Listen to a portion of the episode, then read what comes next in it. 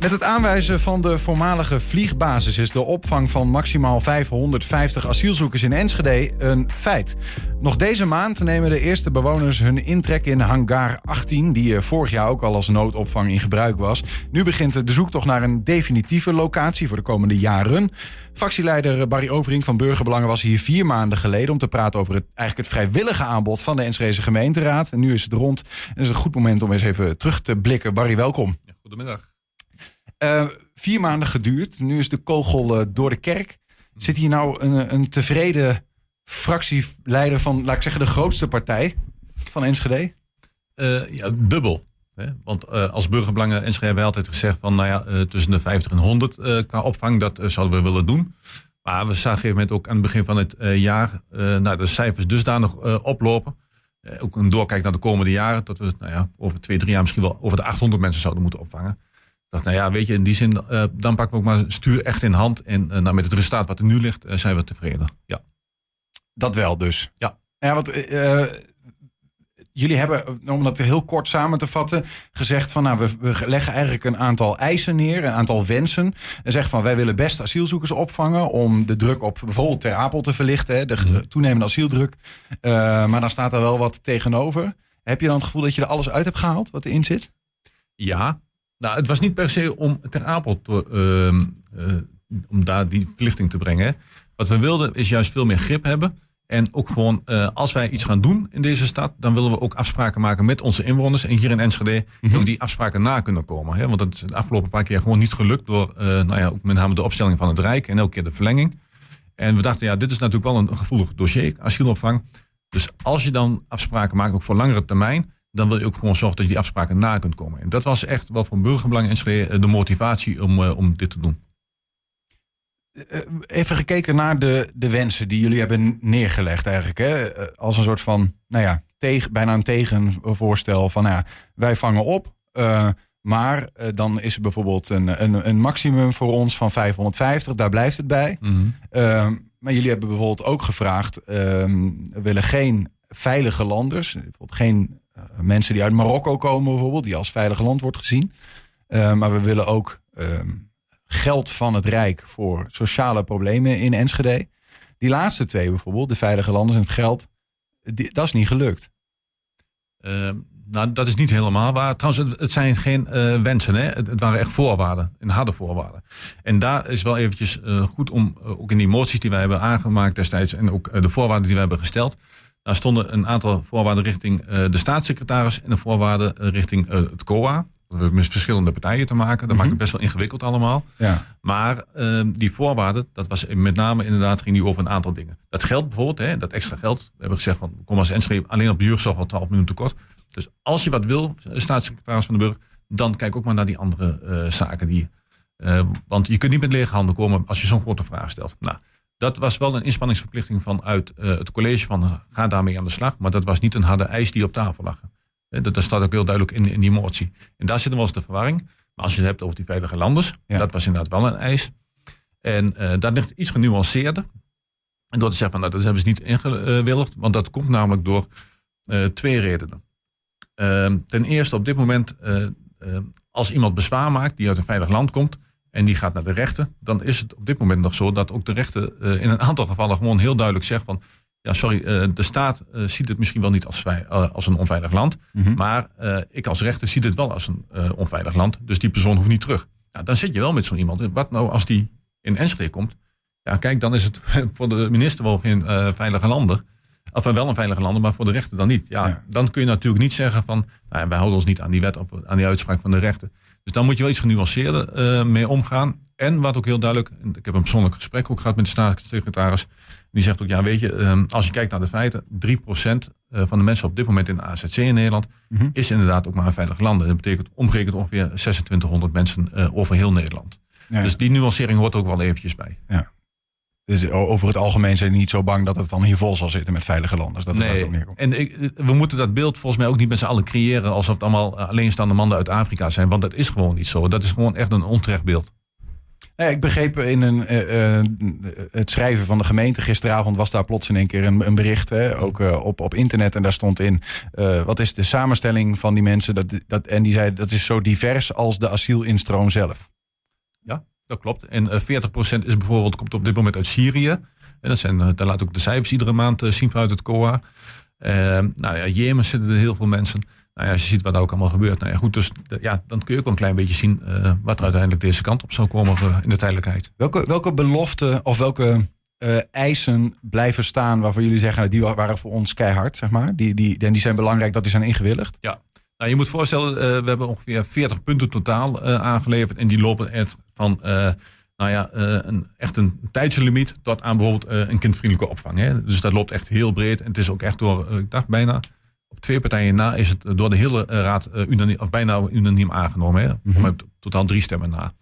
Dus dat is ook wel echt heel bijzonder in Enschede. Dus ook alle uh, soorten wensen en uh, voorwaarden zitten er ook in daardoor. Nou, voor burgerbelangen was het destijds wel belangrijk dat als we een afspraak maken, dan moet, gaat het echt over de looptijd. In dit geval is het vijf jaar. En we hebben gezegd van ehm, er moet een stok achter de deur zijn. Want stel dat die afspraak niet na wordt gekomen, en dat hebben we vaker meegemaakt met het COA en uh, met, de, uh, met het Rijk, de staatssecretaris. Ja, dan willen we een stok achter de deur hebben, ook om hem te dwingen tot die afspraken. En die stok achter de deur, die is er nu, die is ook ingewilligd. Dat betekent ook op het moment dat de afspraken worden geschonden, kunnen wij als gemeente Enschede gewoon de overeenkomst met het COA opzeggen. En kunnen we ook zeggen, sorry, afspraken zijn geschonden.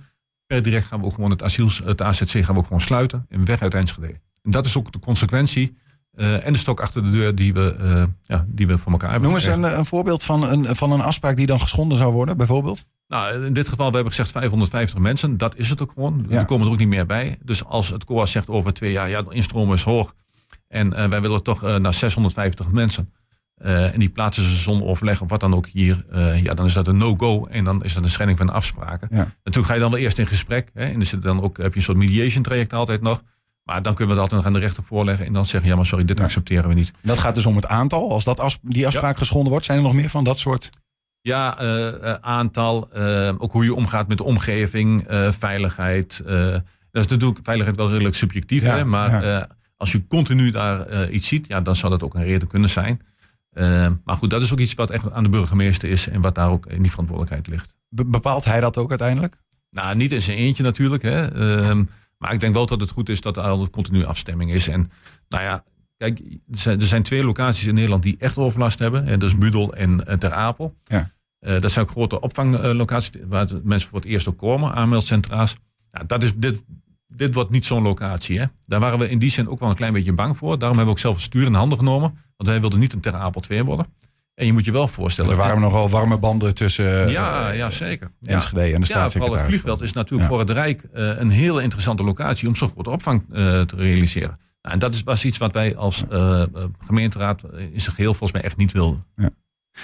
Hoeveel vertrouwen heb je erin dat ehm, staatssecretaris COA, dat, dat, maar misschien staatssecretaris, dat hij zich aan die afspraken houdt? Ja, ik heb daar veel vertrouwen in.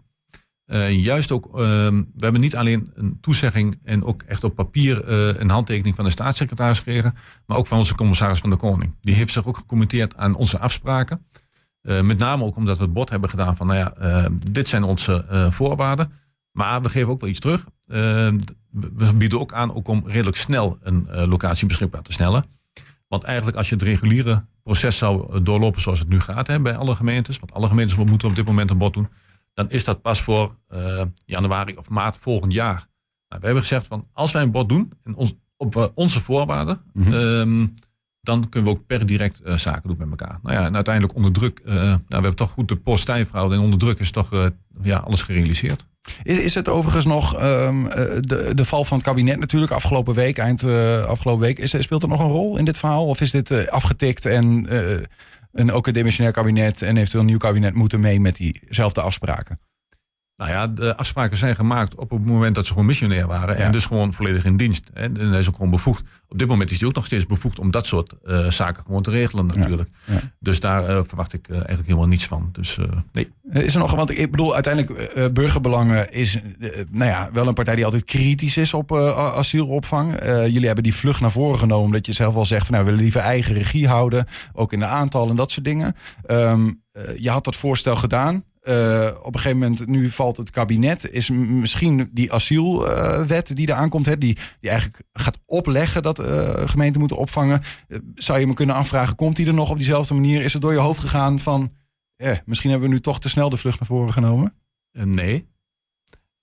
Want het is niet zo op het moment dat het kabinet valt, dat dan het probleem is opgelost of dat het probleem er niet meer is. Sterker nog, ik denk dat het alleen maar groter gaat worden. En je moet je ook voorstellen, uh, zo'n spreidingswet hoeft helemaal niet in die zin ook verkeerd te zijn. Hè? Maar is het ook wel goed, want dan doen alle gemeentes wat. Uh, alleen het probleem was, alle gemeentes willen gewoon weten waar ze aan toe zijn. Mm -hmm. En als alle gemeentes gewoon hadden geweten, uh, zoals we Enschede nu wel hebben, waar ze aan toe zouden zijn geweest, dan hadden veel meer gemeentes ook al afgelopen jaren veel eerder die stap naar voren gedaan. Uh, dus nee, ik, ik vind het, nee, voor mij is dit prima zo. ik ben er ook niet bang voor. Voor mij hebben we ook niets daardoor gemist. Um, wat trouwens nog wel nieuwsgierig maken. Wij, zijn altijd wel kritisch op uh, asiel. Maar je, kijk, je hebt burgerbelangen nooit gehoord over uh, de tijdelijke opvang die in de sporthallen waren de afgelopen jaren. Je hebt ons nooit gehoord over uh, de Oekraïners, hè, inmiddels 900 die we te gaan opvangen hier. Um, als je kijkt naar de statushouders die wij opvangen, er waren er altijd 200 per jaar die wij hebben gehuisvest. Er worden op dit moment 400. Een wet, wettelijke taak wellicht. Maar um, ja, weet je, dus ja, wij zijn wel kritisch, maar er gaat echt over afspraken nakomen en de, hoe communiceer je met je inwoners over dit soort zaken. Ja. Uh, maar over al die uh, andere zaken, ja, daar heb je ons ook nooit over gehoord. Dus in die zin uh, kritisch op, op de manier van communicatie en hoe ga je met onze eigen inwoners om. Daarover gesproken, um, de vliegbasis gaat nu een jaar plaatsvinden. Daar heeft ook eerder die noodopvang gezeten. Daar zitten nu nog 60 asielzoekers, maar daar waren er eerst meer. Ja. Um, de omwonenden daar, die hebben zich meermaals uitgesproken van, nou ja, weet je, ooit werd gezegd, uh, dit is eenmalig en gaat nog, niet nog een keer gebeuren, is nog een aantal keer gebeurd. Nu krijgen ze dus die 550 asielzoekers nog voor een jaar. Um, wat, wat vinden jullie daarvan als fractie van Burgerbelangen? Ja, nou, dat, is een van die dingen waar we altijd kritisch op waren. We hebben wel gezegd, dit is aan het college, uh, de locatie. Daar gaan wij als raad niet over. Um, ik moet wel zeggen, de, ik, ik snap deze locatie wel in de tijdelijkheid. Want er is nergens waar je in Enschede uh, direct zoveel mensen uh, kunt opvangen op die manier. Nou, dan is het vliegveld wel een hele logische locatie. Maar waar we wel van balen. En wij waren ook als gemeenteraad niet op de hoogte van deze locatie natuurlijk. Maar goed, ik, ik snap het wel. Uh, het is niet prettig. Andere kant, um, maar dat is alleen puur gebaseerd op mijn onderbuikgevoel. Ik heb geen kennis daarover, want de definitieve locatie is nog niet bekend. Sterker nog, die is nog niet eens in beeld. dat weet ik wel. Um, maar hoe doe je dat niet in beeld? Nou, is nog niet, nee, we weten nog er zijn nog maar een aantal plekken überhaupt mogelijk, technisch gezien. Nou, je weet niet of het uh, in bestaande bouw komt, of het in nieuwbouw komt, of dat we uh, iets moeten verbouwen. Of, uh, dat, dat, is nog helemaal niet bekend. Dat gaan ze deze zomer, gaan ze dat, of, na de zomer wordt het bekend. In, in de eerste vakantie gaan ze dat uitzoeken. Wat zijn nou mm -hmm. echt interessante locaties voor, voor zo'n opvang voor de komende vier jaar. Maar ik heb dan niet het idee dat ehm, het op, weer rondom het vliegveld zou gaan plaatsvinden. Dus in die zin, maar zeg, dat is puur uit onderbuikgevoel uh, gezegd, denk ik niet dat daar weer zal gaan komen. Ja, dus dat, dat, betekent ook wel weer dat je daarna gewoon ook er klaar mee bent en daar na dit jaar ook gewoon niets meer komt. Ja.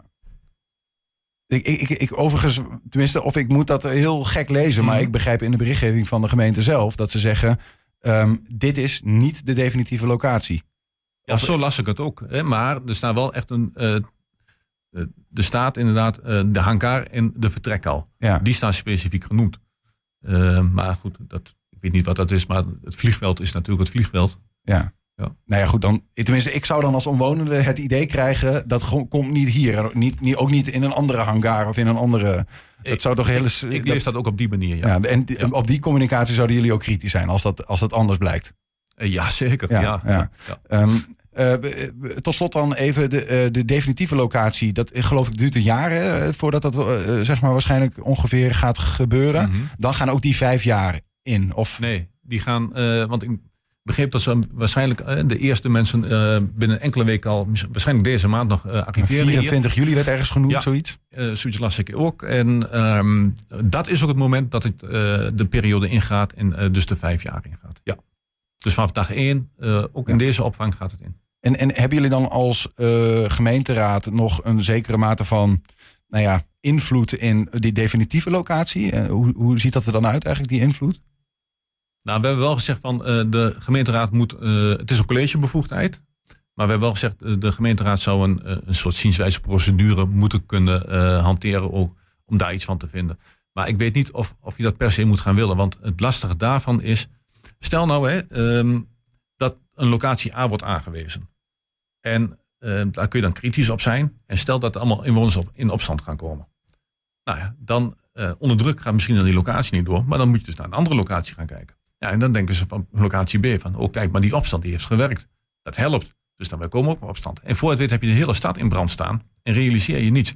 Dus als je iets gaat doen, uh, dan vind ik ook dat het college echt een goede, zuivere afweging moet uh, laten plaatsvinden. Ook een verhaal hebben bij die locatie. Waarom kiezen we voor deze locatie? Um, nou ja, en dan moeten we het ook gewoon, met z'n allen moeten we ook gewoon achter staan. Met één mond spreken. Ja, maar het gaat er wel om echt een goede communicatie. Uh, neem die inwoners mee en uh, ja, vertel gewoon het echt het eerlijke verhaal. En als je soms op antwoorden, vragen geen antwoord hebt, zeg dat ook gewoon eerlijk. Maar zeg wel wat je daar gaat doen. Want dat is uiteindelijk waar het over gaat. Dankjewel, Barry Overing van de Burgerbelang over de asielopvang in Enschede.